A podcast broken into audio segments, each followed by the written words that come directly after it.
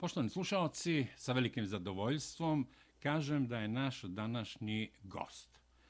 Čovek, rodoljub, bogoljub, dakle patriota, čiji je moto sve za Srbiju, Srbiju ni za šta.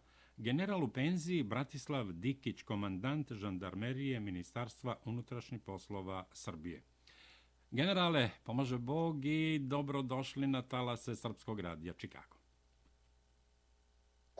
Bog vam pomogao, dobroveče Americi, dobroveče moje brame. Da, dobroveče. Evo imamo male, male ovaj zastoje, odnosno mali delay, ali se u svakom slučaju dobro čujemo. Nadam se da vi mene dobro čujete, tako da krećemo sa, da kažem, našim današnjim poslom. Ja bih pre svega voleo da vas predstavim, odnosno i da se vi predstavite, s obzirom da su neki dnevno politički događaj unazad nekih par godina stavljali vas u fokus onoga što se dešavalo u Crnoj Gori. Međutim, ja bih hteo da malo vašu ličnost osvetlimo sa onim što vi u stvari jeste. Dakle, voleo bih da mi kažete u vreme rata i agresije NATO na Saveznu republiku Jugoslaviju, gde ste bili?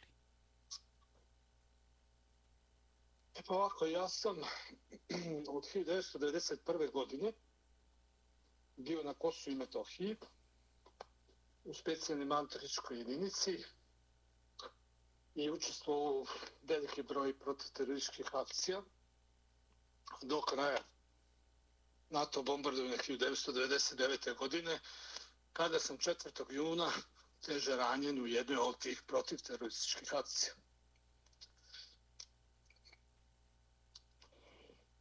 Da, da, čujem vas. Je, je li to sve? Pošto malo, malo nam ovaj veze nisu baš najbolje. A nisu, pokušao sam da promenim ovaj Wi-Fi da vidim kako je na drugu stranu, ali nadam se da se sada čujemo. Da, da, da, evo, sad je dobro. Nadam se da i vi mene čujete. Dakle, bili ste na Kosovu i Metohiji u vreme NATO agresije. Po završetku NATO agresije, šta se dešavalo? Gde ste bili? Znate kako, ja sam bio na Kosovu i Metohiji od 1991. godine do, do završetka NATO agresije, odnosno do 4. juna, kada sam teže ranjen. Šta to znači? Znači da sam ja u specijalnoj antiterorističkoj jedinici od 1991. godine učestvao u svim protivterorističkim akcijama na Kosovu i Metohiji.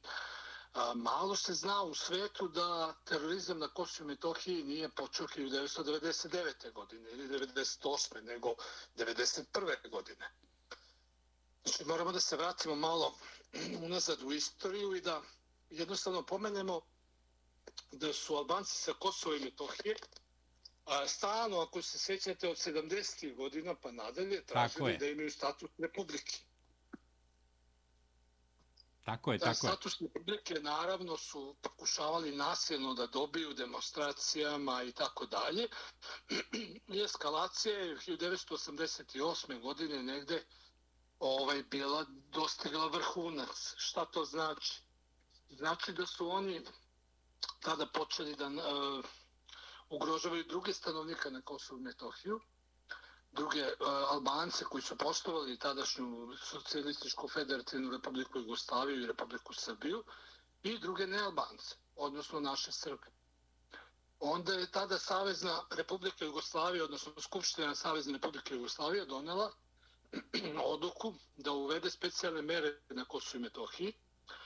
Te specijalne mere su predstavljene da se uzme nadležnost organima na Kosovo i Metohiji, autonomnoj pokrajini tadašnjoj, nad policijom, nad obrazovanjem i ekonomijom.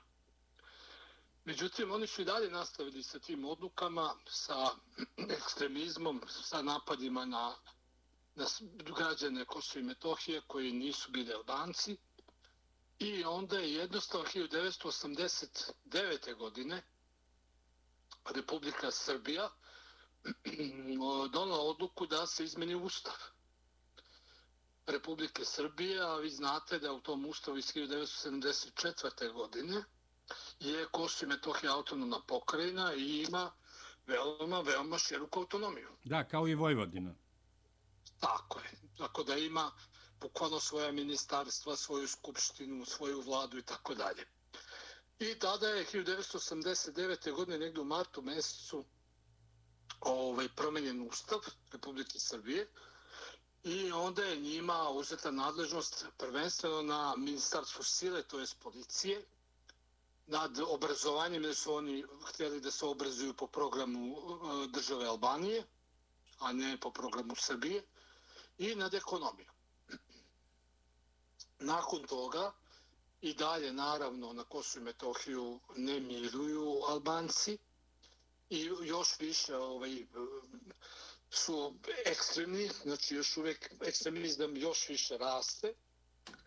I oni negde 1990. godine u julu mesecu na Skupštini autonomne pokrajine Kosovo i Metohije proglašavaju Republiku Kosovo. Što je bila ovaj protivustavna odluka Ustava Republike Srbije iz tog vremena. Odmah zaseda Skupština Republike Srbije i poništava se ta odluka naravno i raspušta, donosi se odluka da se raspušta Skupština autonomne pokrene Kosovo i Metohije istog momenta Albanci na Kosovo i Metohiju ovaj, napoštuju sve državne organe. Policiju napoštuju a, druga državne organe, znači obrazovanje, prosvetu i tako dalje. I počinju od tada da imaju svoju vladu, svoju skupštinu i svoje organe, policiju u ilegali.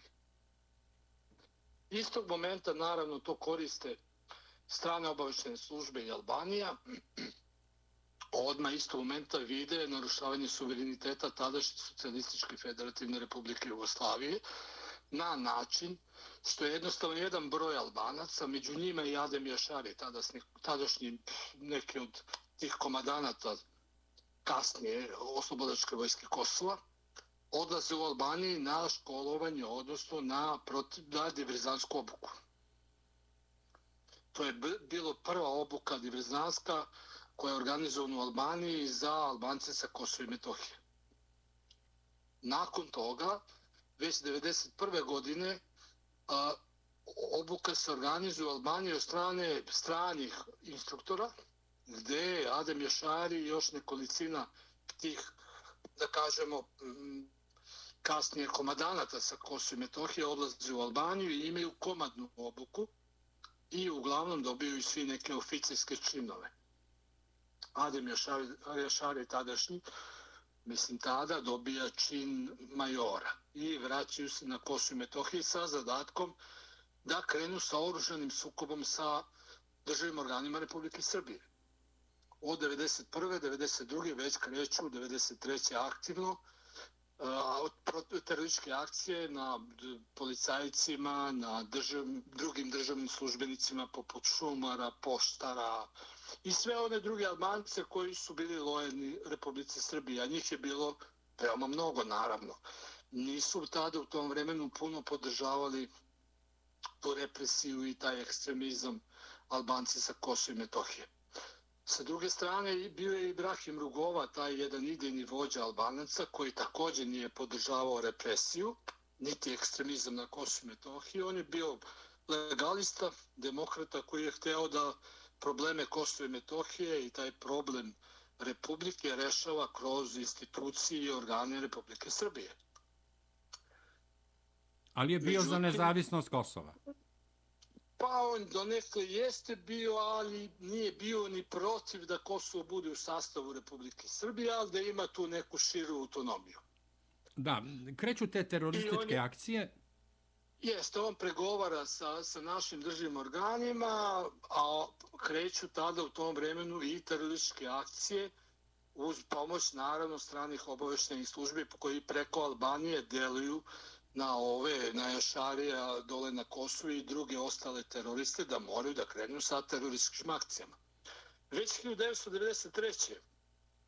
kreću terorističke akcije ovi u velikom broju na Kosovo i Metohiju, ubijaju se policajci prvenstveno i drugi državni službenici koji jednostavno priznaju državu Srbiju kao svoju. Bez obzira da li su oni Albanci ili Srbi ili drugi nealbanci. To naravno prati služba Republike Srbije, tadašnje državna bezbednost i već mi primenjujemo mere observacije, praćenja, da se vidi ko vrši te napade. Međutim, veoma je teško ući u, što se kaže, u taj terorizam. Vi znate da oni imaju tu tajnu organizaciju, tajno delovanje, pa nije ni lako jednostavno doći do pravih informacija. Da, vi ste u to... Izvinjavam se, samo sam hteo da, da kažem da ste vi u to vreme i u, u specijalnoj antiterorističkoj jedinici, da ste specijalac za blisku borbu u odeljenju za blisku borbu u specijalnoj jedinici policije, da ste bili komand, komandir odeljenja snajperista u specijalnoj antiterorističkoj jedinici, vođa B tima specijalne antiterorističke jedinice i tako dalje i tako dalje. Tako dalje, da. Ja sam u to vremenu bio u odeljenju za blisku borbu, to je specijala za blisku borbu. Znači, konkretno rešavanje tadaške situacije, direktna borba ovaj protiv terorizma. I onda oni vrše te napade, sve češće napadaju i, i a, porodice, naše srpske porodice na Kosovo i Metohiji. Ovaj, Ove, veliki broj terorističkih akata su izveli i jednostavno ugnjetavaju svoje Albance. Jedan broj Albanaca dolazi i prijavljuje u policiji da ima problem, da naoruženi ljudi dolaze po selima, da otimaju njihove dragocenosti, da traže od njih da im služe, da spavaju sa njihovim ženama i tako dalje. I onda mi dolazimo u situaciju da 96. godine imamo već prilično saradnika među Albancima koji su voljni da sarađuju sa policijom. 96. godine Albanac iz Gornjeg prekaza je bio naš saradnik i on je jednostavno od nas dobio jednu radio stanicu za komunikaciju da nam javi kad bude imao informaciju da jedan broj od tih terorista koji vrše te terorističke akte krene u akciju, što se kaže da jednostavno krenu nekom terorističkom zadatku. Više dana mi čekamo negdje pored puta u nekom kombiju jednostavno da pokušamo da uhapsimo te teroriste. I sreća da jedan dan su oni naišli. Naišli na traktoru njih dvojica, naoružani do zuba sa automatskim puškama, kalašnikovim, sa prsucima, bom, ručnim bombama, ručnim bacačima i tako dalje i tako dalje. I mi je uspeo da ih savladamo žive. Znači, jednostavno bez upotrebe vatrom oružja, oni su iznenađeni bili, nisu mogli da veruju, bili smo u civilu i tako. I privodimo, to je bio Besem Rama, neki izgodnje prekazi, javni Nura. Inače, oni su bili već borci u Hrvatskoj, gore u Zengama i ratovali su već protiv Srbije. I onda sad oni kreću i ona pričaju o terorističkoj organizaciji Oslobodička vojska Kosova, kada je formirana 1991. godine u Albaniji, pričaju o strukturi te oslobodačke vojske Kosova, pričaju o, o tim teroristima od Adema Šarija pa nadalje ko sve učestvuju u tim akcijama, ko se ubija policajce, gde su ubijali policajce i tako dalje. Ovaj, neki Zahir Pajaziti isto iz Podujeva, grupa, oni su bili već podelili Kosovo po teritorijama, ko gde deluje na kojoj teritoriji, ko je gde komandant. I tako, oni, dvojica, oni dvojica odaju nam još puno imena, gdje mi krećemo u hapšenje. Uhapsimo veći broj terorista, među njima mislim Iljaz Islami da se zvao neki bombaš koji je postavljao te diverzijone naprave, eksplozivne naprave također, koji bio i član njihove grupe. I naravno oni se procesuiraju zakonito imaju suđenje 1997. godine prilikom hapšenja isto 1990, krajem 96. i 97. godine početkom dosta tih e, terorista pruža otpor, puca na policiju, imamo ranjene policajce već u tom periodu, ginu i oni neki sa druge strane. I kreće taj sukob, oni se organizuju, već tada kopaju rove, fortifikacijsko uređenje rade pored puteva, pored sela, blokiraju put magistralni put Priština Peć i u 97. godini, bukvalno celu godinu, imamo blokiran put Priština Peć od strane terorista. Kindapuju tada veliki broj Srba, Albanaca i nealbanaca ubiju puno i svojih sunarodnika koji ne priznaju oslobodačku vojsku Kosova, kako bi primorali ostale Albance da im da ih podrže i da im priđu jednostavno, da im daju podršku u njihovim ciljevima. I 97. prolazi tako u nekim njihovim teriškim akcijama.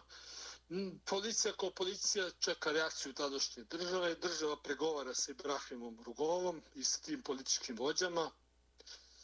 Početkom 98. godine oni vrše više desetina terorističkih napada, bukvalno dnevno po nekoliko terorističkih napada na policiju, na policijske stanice, na sela srpska, na, na kuće albanaca, šumara albanaca koji su lojalni Srbije, koji su ostali da rade u državne organe Republike Srbije. Oni samim tim njih vide kao neprijatelje. Početkom 98. godine oni napadaju tamo selo ispod tog donjeg prekaza odakle je Adem Jašari, napadaju patrole policije, ubijaju tu dva policajca, pa još dva, četiri policajca, dva teško ranjevaju. Specijalne jedinice mi dolazimo tu, reagujemo naravno, gine jedan broj terorista također u tom oženom sukobu. Država se opet povlači, naređuje povlačenje, opet se kao nešto pregovara, međutim, oni negde početkom marta ponovo napadaju policiju, ubijaju nekoliko policajaca tamo u blizini donje prekaza i onda je doneta odluka da jednostavno tome mora da se stane na put. Mi specijalni iz policije blokiramo taj prostor i sam deo sela tog donje prekaze. Prilikom te blokade traži se od njih da se predaju od tih terorista Adem Ješari. Ehm, bilo je tu njegov brat Hamza Ješari ehm, i tu još terorista koji su tu živjeli po tim kućama.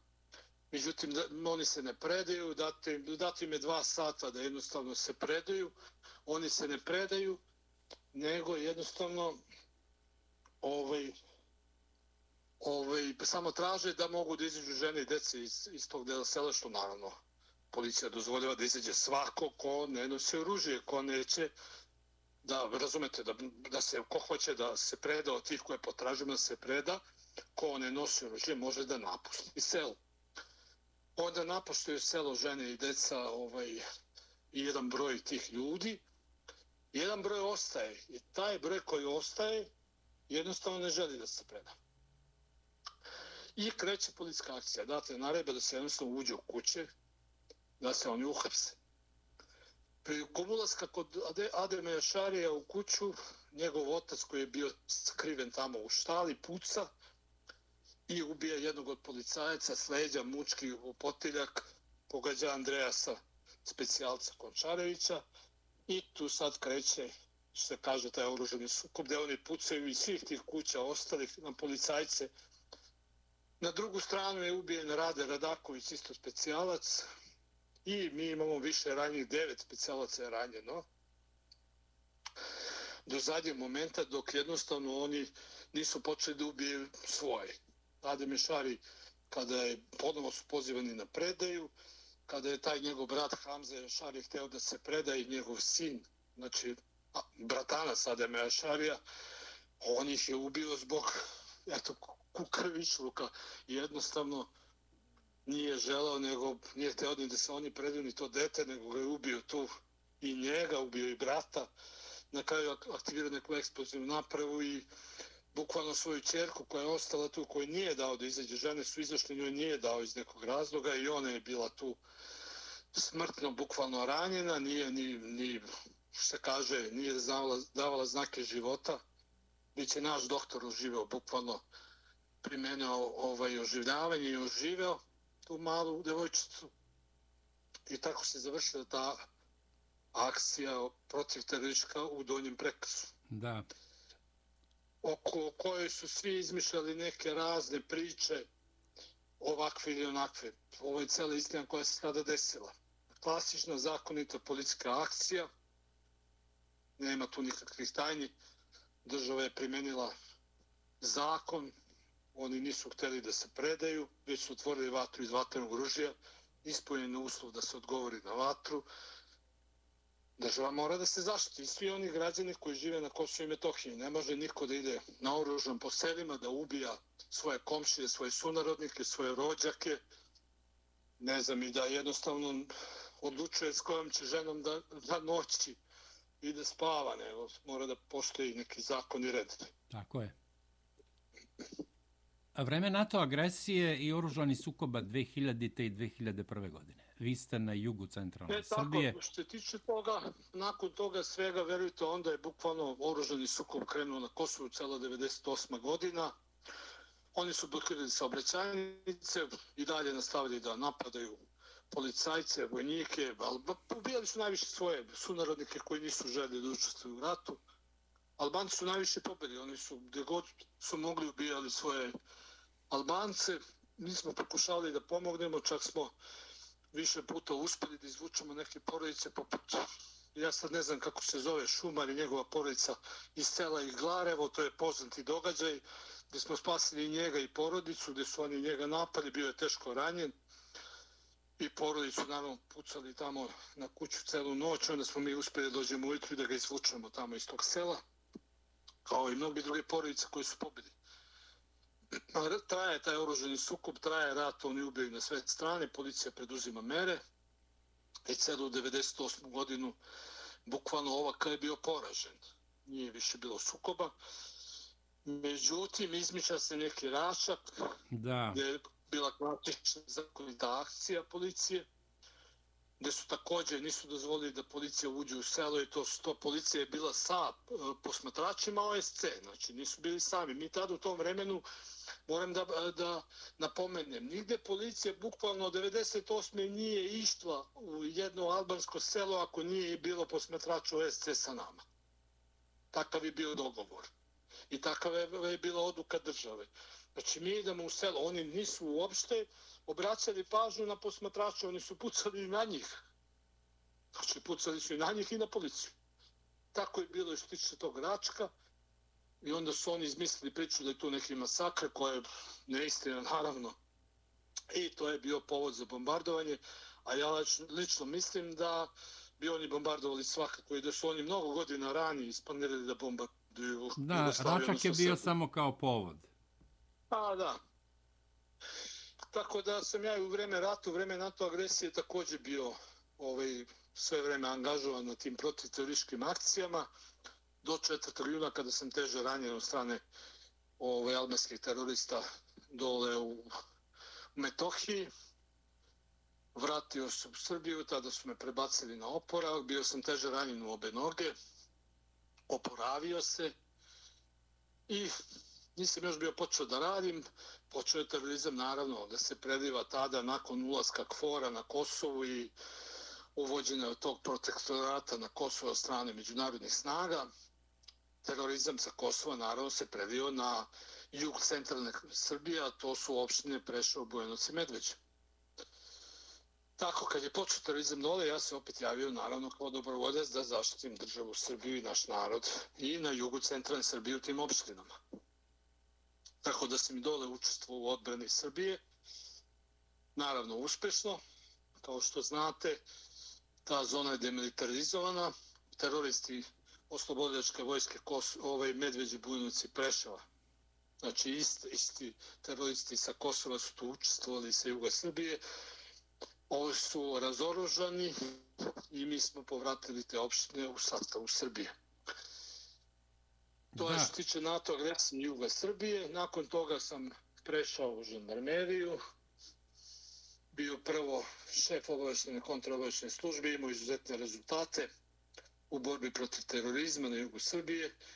Onda sam napređen u komadanta jednog od odreda, također ima izuzetne rezultate i na kraju 2009. godine sam imenovan za komadanta žandarmerije Srbije. Da, generale, ako dozvolite samo da, da nam to ne promakne, jer javnost čini mi se ne zna mnogo oko toga. Vi ste doktor nauka za užu naučnu oblast, krizni menadžment, ako se ne varam, mm, naišao sam na taj podatak iz vaše biografije, i pored toga za sve ono što ste učinili kao patriota, kao ajte da kažem, vojnik, policajac za odbranu Srbije. Vi ste dobili brojne nagrade, između ostalih orden za hrabrost, orden zasluga u oblasti odbrane i bezbednosti trećeg stepena. Dobili ste ratni krst za učešće u borbenim dejstvima 98-99. Zlatnu medalju za remnosnu službu, nagrada večernih novosti, najplemenitiji podvi godine i tako dalje i tako dalje. Eto, imao sam potrebu da to kažem jer uh, u javnosti se mnogo ne zna u vezi s tim. Tako, ja sam završio pravni fakultet i filozofski, onda magistrirao na temu krizne situacije sa taocima na otpisama, pa onda doktorirao na temu krizni menadžment kao faktor bezbednosti u Srbiji, pa onda izabran u izbor profesora bezbednosti. Pored svega sam eto uspeo da se i i školujem. I kaže mi, bio sam vrlo, po meni, glupo je sad da ja pričam o sebi, ali vrlo uspešan komandant žandarmerije, organizovao žandarmeriju po uzoru na međunarodne specijalne jedinice adekvatno opremio. U tom vremenu veoma dobro brinuo o bezbednosti u Republici Srbiji. I onda 2012. godine, ako se sjećate, napisao onu zakletvu o Kosovu. Da. Gdje je odmah nakon te zakletve koju sam ja napisao krenula hajka da ja budem smenjen. A već sam bio trn u oku Albancima sa Kosova i sa Juga Srbije smo realno suzbijali vrlo uspešno terorizam na tom području. I onda je ta zakletva bila povod da krenu izmišljene, izmišljeni tekstovi pojedinih medija protiv mene, protiv moje porodice, koje naravno se i dokazalo da je sve neistina kroz period u budućnosti. 2015. godine, Izvolite. posljedice 2000, pa ono bio on 2013. godine smenjen zbog te zakletve. Budem u direkciji policije kao general policije, pomoćnik direktora policije. I 2015. godine, naravno, se, pošto sam učestvovao u ratu, verovatno kao posljedica bombardovanja, a razbolim od raka. Od 2015. odmah piše zahtev za prevremenu invalidsku penziju, odlazim u penziju i krećem sa lečenjem. Nakon nekoliko operacija, onda sad, naravno, znate kako je teško ove lečiti se od, od te teške bolesti. Da. Odmah pišem, kažem, taj, tu molbu da odem u penziju da bi proveo vreme sa porodicom. I počinje to lečenje. 2015. U, u decembru su bile jedna, druga, treća operacija, novembar, decembar, 2016. oporavak. I u, u decembru, u oktobru 2016. godine od strane ovaj, Mati Stefanide iz naše Srpske pravoslavne crkve, jedne monahinje naše, budem najavljen u manastiru Ostrog da odem na molitvu za zdravlje i da dole jednostavno provedem nekoliko dana. E, generale Dikiću, dozvolite mi, preći ćemo, to će biti ovaj, ajte da kažem, pod navodnicima, drugi deo razgovora, Crna Gora. Evo, samo tako da to ovaj naslovimo. Ali bih hteo samo da kažem, opet da ne zaboravimo, da ste vi uh, predsjednik bratskih udruženja ratnih veterana Republike Srpske i Srbije. Tako je, ja sam izabran sada u februaru za predsjednika veterana Republike Srbije i veterana Republike Srpske. E, idemo Tako. u Crnu Goru. Da, Crna Gora, oktober Ostrog, mesec. hapšenje u Crnoj. Gori, optužbe za navodni državni udar, četiri po godine zatvora, od čega 1571 dan u samici, pa molim vas da nam nešto kažete o tome i da kažete možda ono što do sada niste govorili u medijima u Srbiji. Znate Izvolite. šta, znači, bespravno, nezakonito, bez ikakvog osnova, ja bivam, ovaj, da kažem, ne uhapšen, nego da kažem na neki način pozvan u policijsku upravu ovaj, tada, preko mog ulazka u Crnu Goru, odlazim tamo, čeka me taj tužilac. Da, izvinjavam ovaj, se, vi ste krenuli u Crnu Goru da idete na Ostrog. Legalno, da, ušao legalno na prelazu i krenuo za manastir Ostrog. Jer ste bili teško bolesni. I ako Tako dozvolite da, da dodam, posle svega ovoga, meni je vrlo značajno da ste govorili o, ajte da kažemo, svom ratnom putu i o svemu onome što vi u stvari jeste a, kao profesionalac, a, kada je u pitanju taj državni udar, da ste vi hteli da organizujete državni udar, on bi se i desio. Vi bi to završili, rekao bih, u, u, u roku od par sati, međutim, daleko od toga, jer sa vama su uhapšeni neki ljudi koje vi pre svega ne poznajete, civili koji su u najpozitivnijem smislu reču zanatlije, ne znam, već automehaničari i tako dalje i tako dalje. Pa evo, prosto da mi kažete šta se tad desilo, vi ste bukvalno poklonička grupa, odnosno vi ste deo onoga što je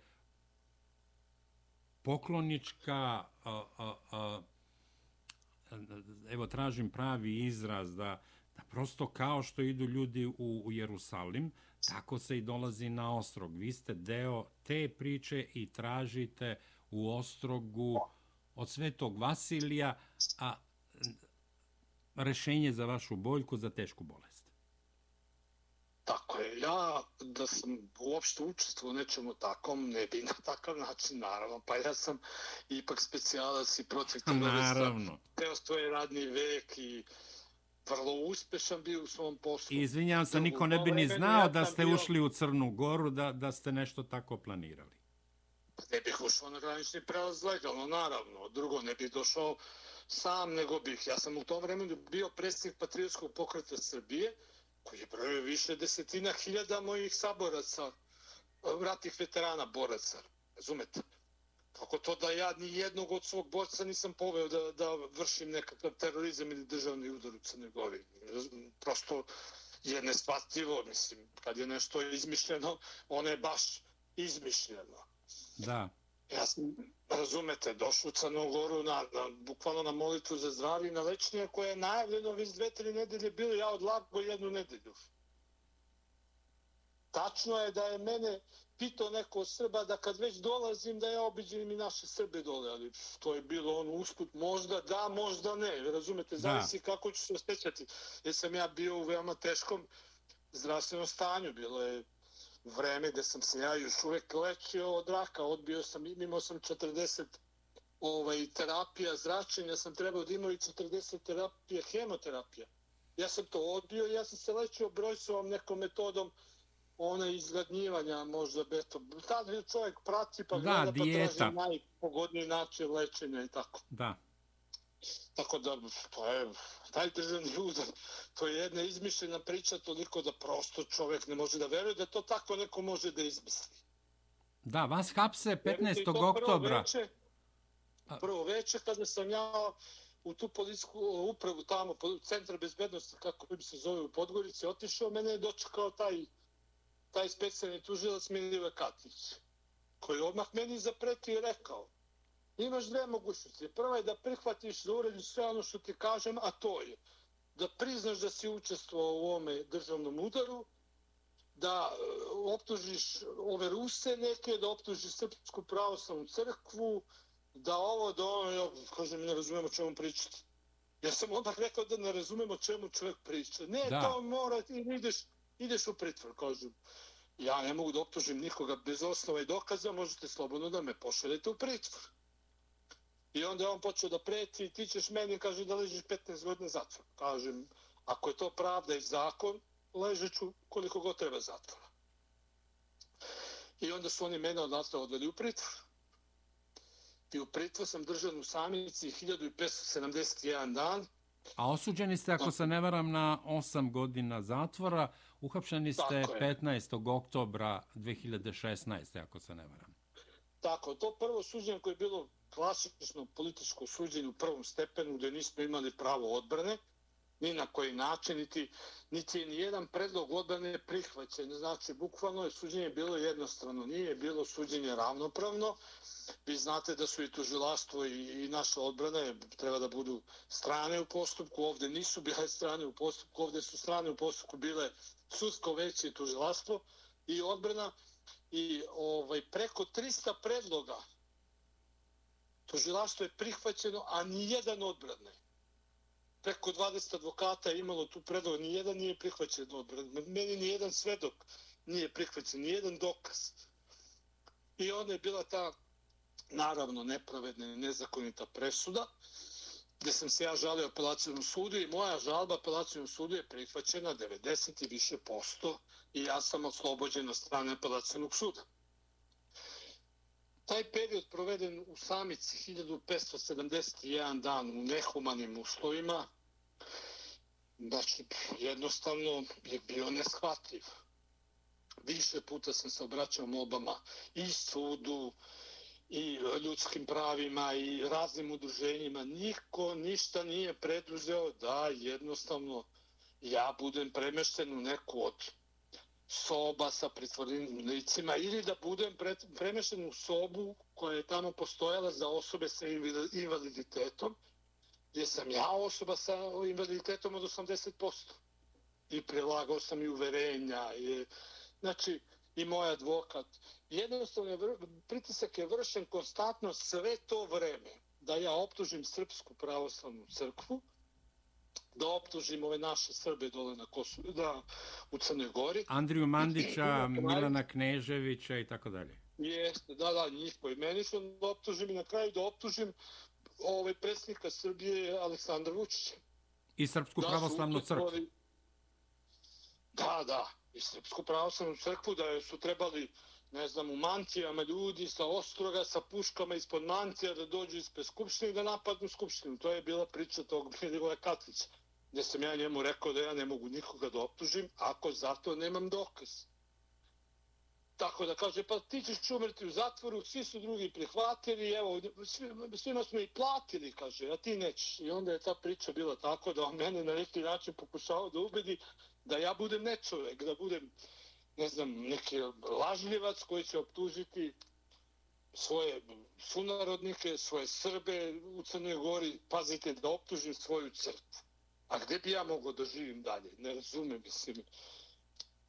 Ja sam njemu tada rekao da ću ja preumriti da hod nego da optužim ono što se traži od mene. Ako se ne varam, prateći to suđenje, vi ste jednom izjavili da vam je nuđeno 50 ili više hiljada evra za sve te optužbe i sklanjanje u inostranstvo u Luksemburg, opet ako se ne varam. Tako je, oni su prvo pokušavali silom, tako pritiskom da mene ubede da ja optužim sve te da, tra, da kroz, jednostavno prihvatim da sporazum u priznanju krivice, da budem oslobođen, a da optužim sve ove ljude i naše Srbe ovaj, u Crnoj Gori i moju crkvu pravoslavnu i da optužim sve ono što su oni tražili, Ruse, ne znam i tako dalje. Kad nisu uspjeli u tome, onda su počeli da nude novac.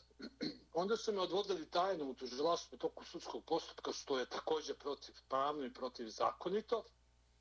I onda su civilnim autom u ponoći jednostavno kapuljoča preko glave listi. To je 24 puta su me vodili, postoje evidencije, rađena je istraga i specijalni tužilac Živko Savović je podneo krivične prijeve protiv ovog Milivija Kantića, Katnića, svog šefa i protiv sudskog veća. Tako da je taj postupak u toku. Kad sam ja sve to odbio, onda su počeli da mi nude novac. Prvo 50.000, pa su onda mene, kad su me odveli tamo, rekli, evo, ispred tvoje kuće u Nišu je čovek, sad će da uđe, evo, telefon, pozovi suprugu da preuzme novac.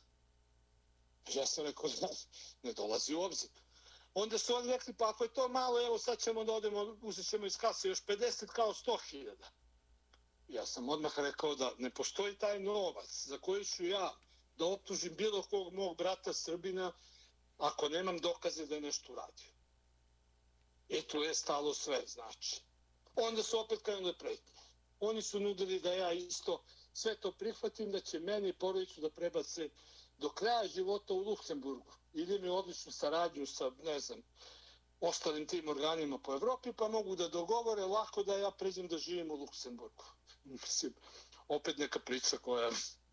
Ja sam naravno opet njih upozorio i rekao da ja ne mogu nikoga da optužim. Bez razloga, bez dokaza, to je nemoguće.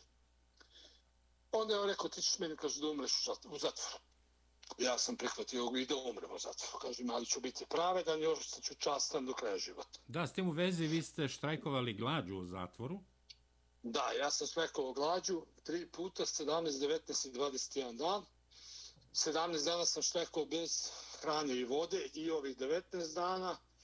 Oni su meni već od 8. 9. dana počeli daju infuzije da me održavaju u životu, ali ništa nisu drugo preduzeli, tako da sam ja na insistiranje moje porodice prestao sa štajkom lađu da bi preživao. I tako, eto, ima Boga, preživao sam sve to. Da, ali vas je u, u zatvoru, izvinjavam se, u zatvoru vas je posjećivao i pokojni mitropolitan Filohije. Tako, i to je samo jednom on bio i to veoma teško ovaj, je bilo da to odobre. On je hteo da me posjeti više puta i to, ta odluka odobrenja da me on posjeti nekoliko mjeseci trajala.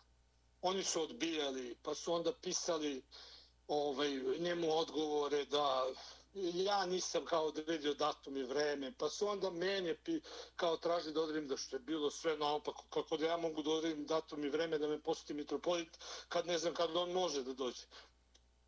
Znači, bukvalno su stalno pokušavali, i onda je došao jedan dan kad je on čovjek posle radnog vremena došao u pritvor da me posjeti. Uspeo je jednostavno da dobije tu dozvolu od suda da me posjeti. I on je čovjek bio, razgovarali smo onako temeljno oko svega. Njegove reči su bile da ja se držim istine, da kažem samo istinu i da će me Bog nagraditi. Ja sam se držao istini i rekao ja drugačije ne znam i ne mogu. Tako da hvala Bogu, eto Bog me nagradio da budem oslobođen i da budem pušten iz pritvora. Da, a kažite mi kako su se odnosili uh, uh, zatvorske vlasti, odnosno čuvari, koji su policajci pod navodnicima, kakav je bio odnos? Pazite, oni su ljudi znali i videli mene drži u samici bespravno. Sve su znali da u nenormalnim uslovima nisam imao stolicu da ja obidujem stojeći, da mi se ne daje hrana, da mi se da na nekoliko dana nešto hrane, baci konzerva i tako dalje. Podio sam ja evidenciju koji dan šta dobijem od hrane, bukvalno ništa. Znali su oni to sve, ali nisu mogli ništa. Taj tužilac je bukvalno to naredio da se tako radi sa mnom, da se vrši pritisak non stop svakodnevno da bi mogao da me slomi, da ja uradim šta on hoće. Jednostavno su to na takav način radili. Ja sam više puta pisao molbu sudu, međutim, očigledno sudsko veće je to sve odobravalo. Ja sam više puta se obraćao predsjednici sudskog veća i tražio zaštitu tako od, od voženja tamo u tužilaštvo tajnu noć s civilnim autom, tako i objašnjavaju kakvim sam uslovima, gde boravim u samici, zašto boravim u samici, tako da sam i u toku sudskog postupka više puta tražio da mi se jednostavno da budem prepačen u sobu koji sva, kao i sva pritvorna lica, zašto se držim u samici i tako dalje. I takođe i na sudu sam tražio da mi se jednostavno na neki način pomogne nikada ništa nije učinjeno od strane suda. I kad sam imao informaciju da mi je brat bolestan teško i bolo i on se razbolao od raka i kad mi je supruga javila da je bukvalno ovaj, pre kraju života, znači. Ja sam se opet obratio sudu da mi dozvore na neki način da imam komunikaciju sa njim, jer nisam imao komunikaciju, nije mogao ni brat da dođe u pritvor, jer je taj specijalni tužilac Milivoje Katnić i njegov zamjenik Saša Čeljenović, pretili su mi da će mi uhapsiti brata i da će njega staviti u pritvor. Morao sam da javim preko porodice, preko supruge da ne dolazi u posjetu, razumete? Da. Jer to bi bilo opet jedno sredstvo za pritisak na mene da ja počnem na neki način da sarađujem sa tim neljudima. Da, generale, a, onda, vama su pretili i da će vam sud, ubiti decu i porodicu. Meni, meni je sud odbio moju molbu da mi dozvole da imam kontakt sa mojim bratom. I meni je brat umro januara, 18. januara 2021. godine, prošle godine. A ja sam, meni je uručeno rešenje apelacijom suda 5. februara 2021. godine. Razumete, dve nedelje nakon oslobađanju. A pazite, a sudsko veće je zasedalo 31. decembra 2020. godine i donilo odluku o oslobađanju. Da. Mesec, bukvalno mjesec i pol dana, mjesec dana i mjesec i pet dana, koliko šest, oni drže tu odluku, ne uručuju mi tu presudu. Znači da su me pustili posle te odluke sudskog veća, ja bi video brata makar na samrti, razumete? Da, da, da. E, i onda šta rade? Kad ja primam tu odluku sudsku da ja sam oslobođen ovaj, i da moraju da me puste, oni me taj dan odugovlače ceo dan i puštaju me, ali mi ne vraćaju lična dokumenta. I ja kažem, zašto mi ne vrate lična dokumenta, o čemu se radi? Odmah sam se i onda opet nešto pokušavaju. I oni me ne puštaju iz zatvora, nego me puštaju i opet me uhapse. Kao nema Da, dokumente. na izlazu, to smo pratili kroz vesti. A lične dokumenta su kod njih, razumete? Da, da, da. E, onda me tad voze u pritvor za strance. I onda ja boravim pritvor za strance tih deset dana. Normalno, dopisujem se sa tadašnjim novim predsjednikom sud, sudskog veća koji je izuzetno korektan čovjek koji je odmah odgovarao na moje molbe. Kako se zove taj, kako se zove taj A- predsjednik sudskog veća? Pa ja sad Radović. Dobro, nije, nije važno. Da, to je novi predsjednik vijeća koji bi trebalo sad e, da kad bude, ako bude ponovljen postupak, ako tužilaštvo ne, ne povuče ovu sramnu optužnicu, možda će, nadam se, novi specijalni tužilac da bude toliko pravedan i normalni i korektan da povuče ovu sramnu optužnicu za državni udar. Ali ako bude ponovljen postupak, ovaj, Radović je taj predsjednik vijeća sudskog, on je bio vrlo korektan i on je odgovarao na sve moje molbe blagovremeno i naravno tražio da se hitno meni uruče lična karta i dokumenti da ja budem pušten. Oni su iz nekog razloga odugovlačili maksimalno. Zašto? Verovatno opet pritisak ovog tog specijalnog tužioca, on je pokušavao sigurno nešto da me na neki način zadrži u pritvoru. I taj dan kad sam ja trebao da izim, to je bio 15. februar 2021. godine, kad je konačno stigla odluka da mora da mi se ukinje i taj pritvor za strance, da moram da se pustim, on je opet meni ne vraćao dokumenta. Da, A razumiješ? I ja izlazim i ja sam na ulici s advokatom. I što kažem njemu šta ćemo sad, ja opet nemam ništa kartu, nisu mi vratili. On čovjek kaže, ja stvarno ne znam, kaže, jedno da te prebacimo preko granice nekako. Kažem, ne, neću tako da idem. A da, sam mogu da vas uhapse, pa tek ja bih onda pobegao. Ja ne želim da bežim, zato što ja ono, sam nevin i hoću da se dokaže da sam nevin. Znači, ja da sam htio da bežim iz zatvora, ja bih pobegao. I onda mi tu stojimo i onda najde jedna patrola policije, neki naši tu Srbi, jedan crnogorac, jedan Srbin, ali korektni. O, gleda, pozdrave me oni tu. Bili su tu ljudi iz komšiluka dolazili crnogorci na kapiju. Ove, eto, to sam ispustio koji su bukvalno pretili ovim policajcima da se meni nešto ne desi tu u pritvoru slučajno za strance. Da, Ovaj, da vode računa meni, da ako nešto treba da im se kaže da donesu hranu, ne znam, garderobu i to. Komšije tu iz, iz Puža, iz tog dela, koji su crnogorci. I onda su ti policajci mene uzeli u auto sa njima. Meni je advokat, bismo otišli u kafanu i bili na ručak. da, I, I onda su oni rekli, e, mi nećemo da damo da vas bilo ko uhapsi. Vi ste s nama, kaže, evo, mi kaže idemo sto, sa generali s vama, kaže, de god, ali neće Sjajno. vas uhapsiti. Da, da, I onda smo sjajno. bili zajedno ručali i vratili se ponovo u taj pritvor strance, da ja uzem svoje stvari i da me daju konačno tu ličnu kartu koja je stigla i taj moj pasoš. I onda oni mene kao puštaju i onda me opet zadržavaju.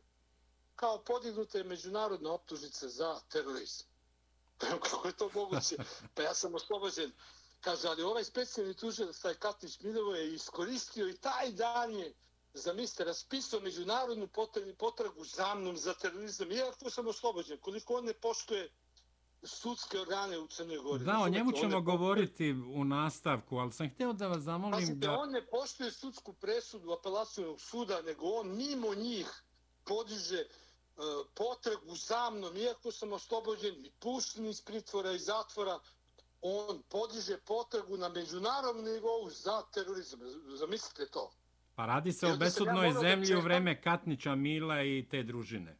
I Zamislite, onda sam ja morao da čekam, pa smo mi sa advokatom odmah reagovali, pa smo pisali odmah ovom predsjedniku veća, tom novom, uh, Radović, i onda je on da. čovjek normalno dao nalog da se skine odmah ta potraga, jer smo predložili presudu apelacijnog suda i odmah je ta potraga skinuta. I sada oni mene pustaju, ali ja opet ne mogu da idem. Dolazi policija, njih 15 sa puškama. E sad, sad više nije ugrožena Crna Gora od mene, nego sam ja ugrožen. Kažem, kako Aha, vas štite sad, da. Dakle, sad sam ja ugrožen. I sad oni mene prate do granice onako sa puškama, obezbeđenje sa dugim naoružanjem, obezbeđenje pored puta, do granice sa Srbijom. Jer sam ja kao ugrožena mi je bezbednost. Da, da, Zamislite. da, da, da. A htio sam da vas pitam, kakva je bila pomoć i koliko je moguće da vam se pomogne vama i svima drugima koji su bili uhapšeni, a državljani su Srbije od strane državnih organa Srbije. Pre par meseci kad smo razgovarali, kad ste vi izašli iz pritvora, a, napomenuli ste u pozitivnom smislu i u pozitivnom smes, smislu i svetlu ambasadora Srbije u Crnoj Gori Vladimira Božovića koji je nažalost proglašen personom non grata koji se za to kratko vreme od imenovanja trudio da pomogne i vama i drugim a, a, a, zatvorenim državljanima Srbije. Pa vidite, Srbija je pomogla puno time što je počela u tom nekakvom događaju da prikuplja dokaze. Znači, državni organi Republike Srbije su krenuli da prikupljaju što više dokaza da bi se utvrdila istina, što sam i ja molio i presnik Aleksandar Vučić i posto molbu da državni organi rade na tom predmetu, razumete? Kako to želaštvo za organizovani kriminal, tako i bezbednostne informativne agencije i policije da prikupljaju što više dokaza da vidimo šta se tu stvarno desilo. I oni su te dokaze i dostavljali organima Crne Gore, međutim oni nisu prikazivali te dokaze u sudskom postupku. Oni su jedan deo e, koji je njima kao odgovarao da može da bude kao opterećenje za nas, prikazivali. A sve drugo su slanjali. Sve ono što je nama bilo u odbrani, to nisu prikazivali. Tako da, Srbija je stvarno ovaj, se trudila da, kao jedna pravna država, trudila se bez obzira što mi građani Srbije da se utvrdi istina. A što tiče ovaj ambasadora Vladimira Božovića, on se stvarno čovjek angažuo kad je došao doli, došao, obišao me u, u tom pritvoru. A, moramo da različimo, pomenuli ste zatvor, ja nisam bio u zatvoru. U zatvoru je mnogo lakše boraviti, ja sam bio u pritvoru, znači u potpunoj izolaciji. Da. Četiri po godine u potpunoj izolaciji, nema razgovora ni sa kim nema ovaj, nikakav kontakt ni sa kim, pola sata šetnja ono dnevno na krugu sam i tako dalje. Znači, veoma je velika razlika zatvor i pritvor. Da, da, da, dobro, ja... Jer pritvora je bukvalno u nekim zemljama Evrope se računa dan pritvora kao dva dana zatvora. Aha, da, evo to je novo što sam čuo, dakle nisam znao. Jeste, jeste, to je tako u nekim, veliki broj zemalja se to tako računa jedan dan proveden u pritvoru se račun kao dva dana zatvora kasnije. Da, generale Dikiću... Kako je došao meni u posjetu, on je čovjek pokušavao da utiče na za sudske organe, čak i imali sastanke sa predsjednikom višeg suda i tražio da se postupi pravedno i zakonito. Čak i za mene traže da me ne drže u samici, zašto me drže u samici toliko dugo i tako dalje. Međutim, oni su na njega gledali kao na neprijatelja. Da odmah krenuli na njega da je on kao sad neki neprijatelj, jer ovaj ambasador pre njega je bio dobar, on je bingulac, on ništa nije ni pitao, niti pokušavao da pomogne. Mm, nije vas ni posjetio nikada? U pritvoru? Da, bila je konzul jedna koja je bila žena ranije, nekoliko puta, ali on ne, on nikad nije došao u pritvor. A ovaj Božović jeste odmah došao. On čim je došao u Crnu Goru, odmah ne se posjetio. Došao, odnosno došao meni u posjetu, jer sam ja jedni bio u pritvoru svi ovi drugi su bili van pretvor. Da. Tako da se Vladimir Božović stvarno trudio. Trudio se da pomogne, pokušavao je maksimalno, zato su ga i proglasili personom non grata, zato što je čovjek bio pravi izaslanik Srbije, pravi ambasador, tako i treba da se ponaša ambasador u nekoj državi da pomože svojim građanima, tako, to je njegov poziv, on mora da jednostavno brine o svojim građanima u toj državi. Da, A, generale, a, bili bi možda nepravedni ako ne pomenemo i Andriju Mandića, Milana Kneževića, Nebojšu Medovića i druge ljude koji su bili uz vas, bez obzira što su Mandić i Knežević bili optuženi i osuđeni, čini mi se da su dobili prvostepenom presudom pet godina zatvora za navodni državni udar, da su oni bili uz vas i, i da su vas podržavali, držali konferencije za štampu i tako dalje i tako dalje. Tako je, ja nisam upoznao Andriju Madića i Milana Kležića pre sudskog postupka, niti bilo kada imao bilo kakve kontakte sa njima, jer jednostavno, bukvalno ja, razumete, kad nekoga ne poznajete, niti ne možete imate kontakte sa nekim ljudima koje ne poznate. Da. Ja sam ih prvi put video u sudnici onda možete da zamislite koje je to absurd da ja uh, učestvujem u nekakvom državnom udaru sa ljudima koje nikad u životu nisam vidio niti upoznao. Eto, to je bio apsurd tog suđenja. E, to se dokazalo u toku sudskog postupka da ja bukvalno i sve one druge ljude na suđenju nikada nisam upoznao, niti imao bilo kakve kontakte. Znači, tu su bili ovaj predstavni dokazi, ne znam, više miliona kontakata, telefonskih nekih e, razgovora, drugih kontakta gdje ja nisam imao ni jedan jedini kontakt sa bilo kojom optuženom osobom. Niti sam imao čak ni zajedničku baznu stanicu neku da negdje smo bili kao na nekoj lokaciji ili bar bili u nekoj blizini. Ne. To je sudski veštak dokazao na sudu, njihov sudski veštak tužilaštva. Tako da je prosto taj ceo postupak tako izmontiran, toliko lažan da prosto čovjek ne može da veruje kako je prvostepena presuda morala, mogla da bude takva. To je bilo neshvatljivo za sve nas, pa i za advokate, pa za i svakog normalnog koje je pratio to suđenje mogo je da vidi da je to jedna fars. Da je da. sve izmišljeno, da je sve podmetnuto. Da, generalne Dikiću... I, i, Izvolite, izvolite. Stvarno su trudili da, da se dođe do istine. Nisu čak ni oni nešto posebno ovaj, uticali na bilo koji način, samo su tražili da se sazna istina. Svi smo to tražili, ja sam tražio, da se sazna istina. Da se utvrdi se istina, jer u stvari uh, sudski postupak je u stvari postupak gdje se utvrđuje istina. Međutim, mi smo imali situaciju da nama nije dozvoljeno u sudskom postupku da dokažemo istinu. Jer nije to odgovaralo. Razumete, oni su u sudskom postupku prezentovali ono što kaže tužilaštvo, oni su to prezentovali kao istinu, što je bukvalno bilo sramotno. Razumete, kad imate čistu situaciju i dođe sudski veštak i čovjek da izveštaj o sudskom veštačenju, a oni u presudu napišu suprotno. Onda možete zamisliti kakav je to sudski, kakva je ta presuda prvostepena, ako 90% je suprotno sudskom veštaku.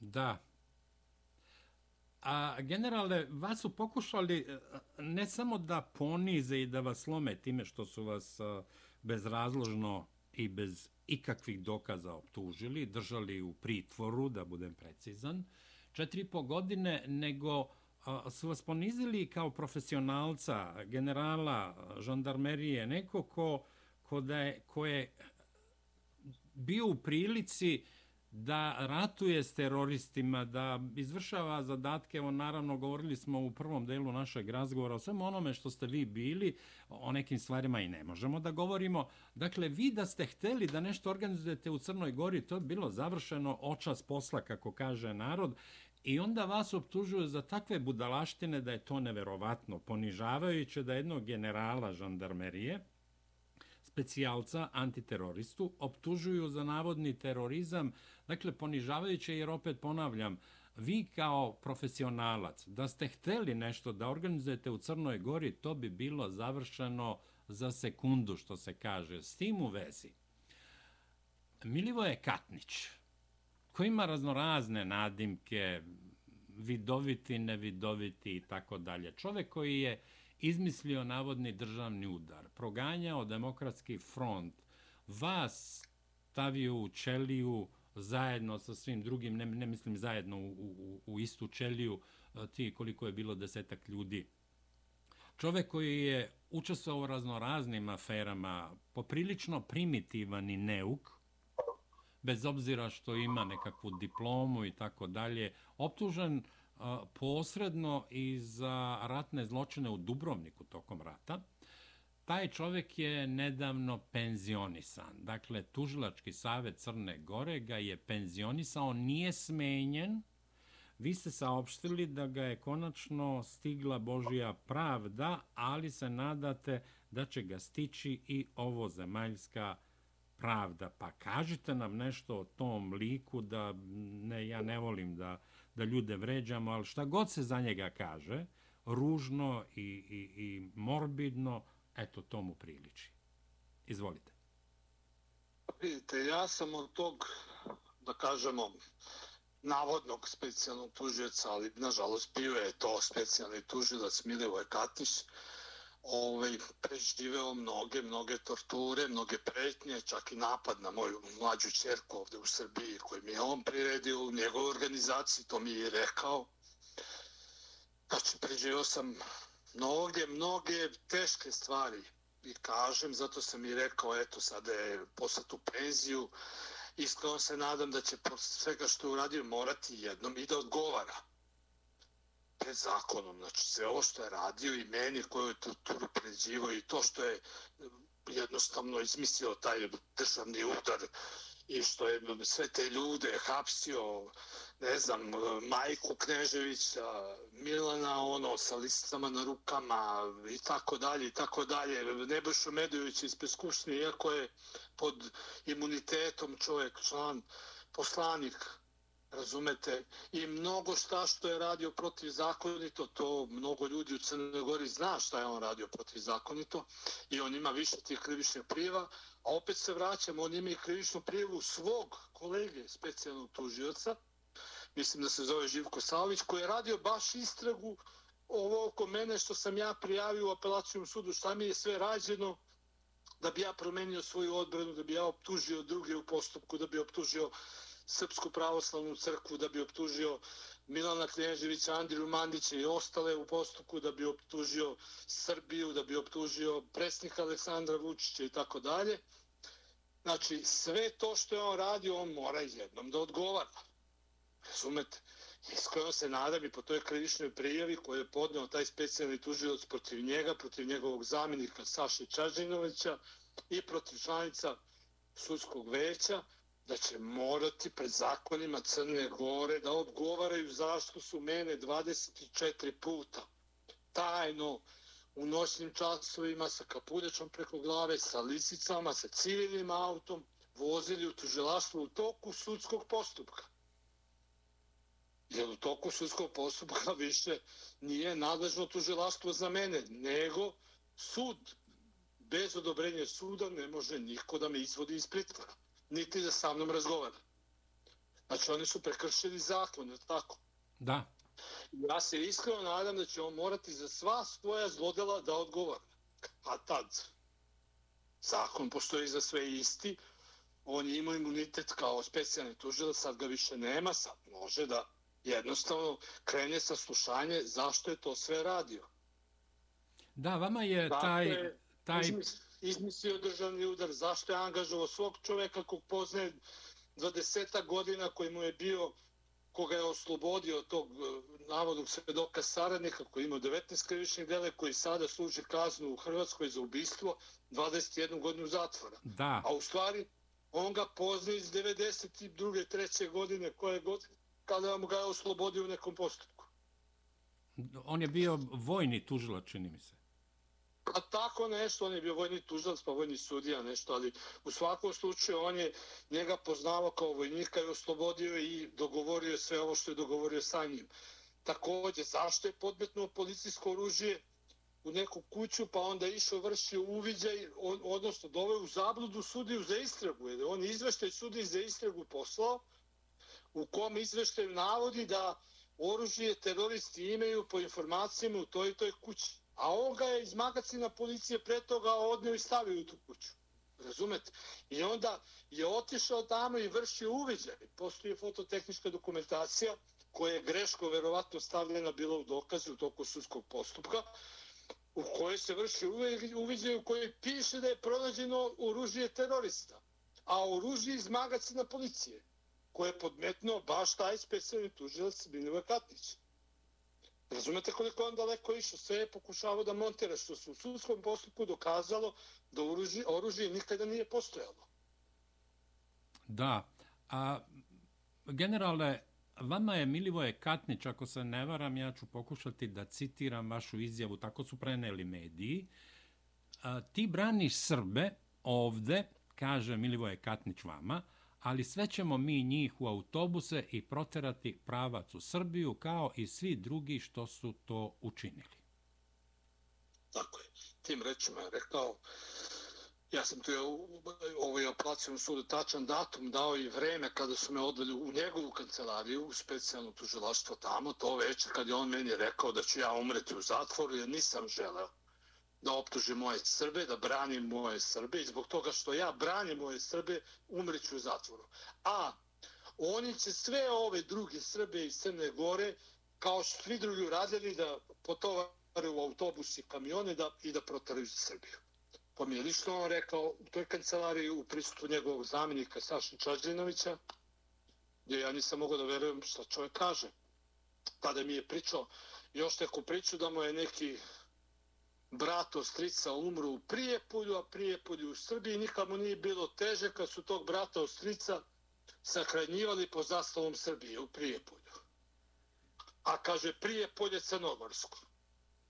Da. Znači mi toga, mislim, nije mi bio jasan, ali pazite, on mnogo puta nije jasan, tako da njega slušati je veoma teško razumeti. Da, poprilično deluje neuko i, i, i sirovo.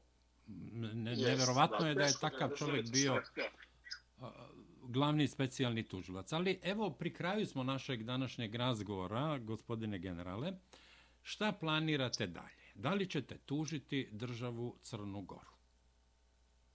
Naravno, prvo tužit ću za držanje u samici protivpravno, prvo za protivpravno pretvaranje i držanje u pritvoru u samici, što je protivno zakonu o izvršenju krivičnih sankcija, gdje sam u samici, znači bolestan, kao osoba sa invaliditetom od 80%, držan 1571 dan, a onda čekam kada bude pravosržno presuda, naravno da tražim naknadu štete od države Crne Gore za sve ovo što su mi učinili.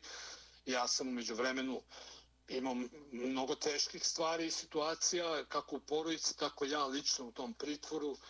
A, Umeđu vremenu je umro brat, koga nisam mogao ni da vidim, ko mi sud zabranio. Ja imam rešenje sudsko gdje mi se zabranjuje da ja imam kontakt sa bratom, gdje mi se otac razbolio, koji je također umro prošle godine u tom periodu se razbolio, nije mogao ni on da preživi sve to što se dešavalo. Zamislite, jedan sin general, vrlo uspešan, više puta odlikovan, najvišim odlikovanj, od državnim odlikovanjima, odjednom preko noći postaje terorista.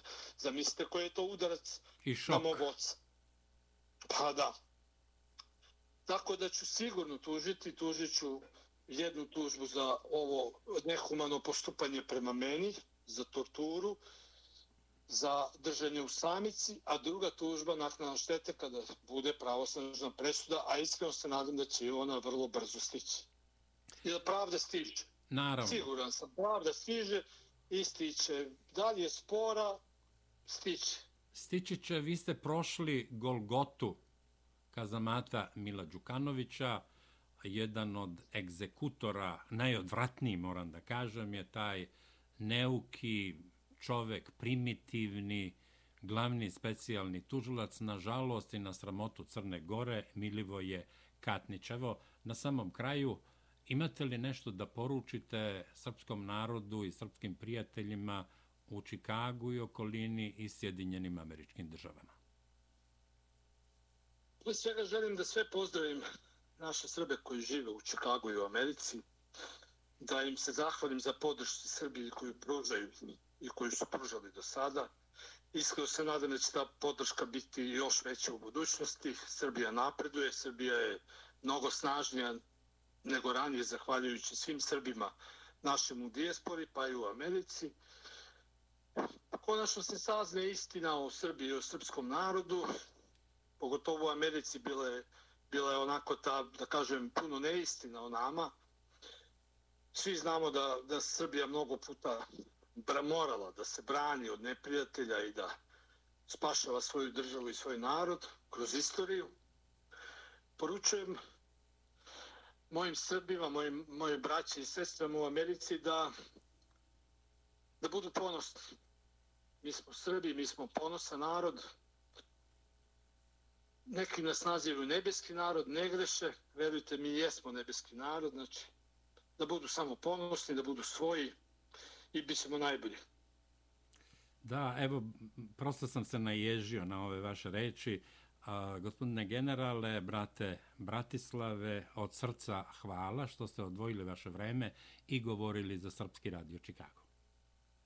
Hvala vam puno, brate Milorade, nadam se da ćemo se i uskoro vidjeti. Naravno, Svako dobro. i u Beogradu. I živjela Srbija i živjela živjela Srbija. Amerika. Tako je, verovatno u, u Beogradu, ali i u Čikagu ćemo se videti. Tak.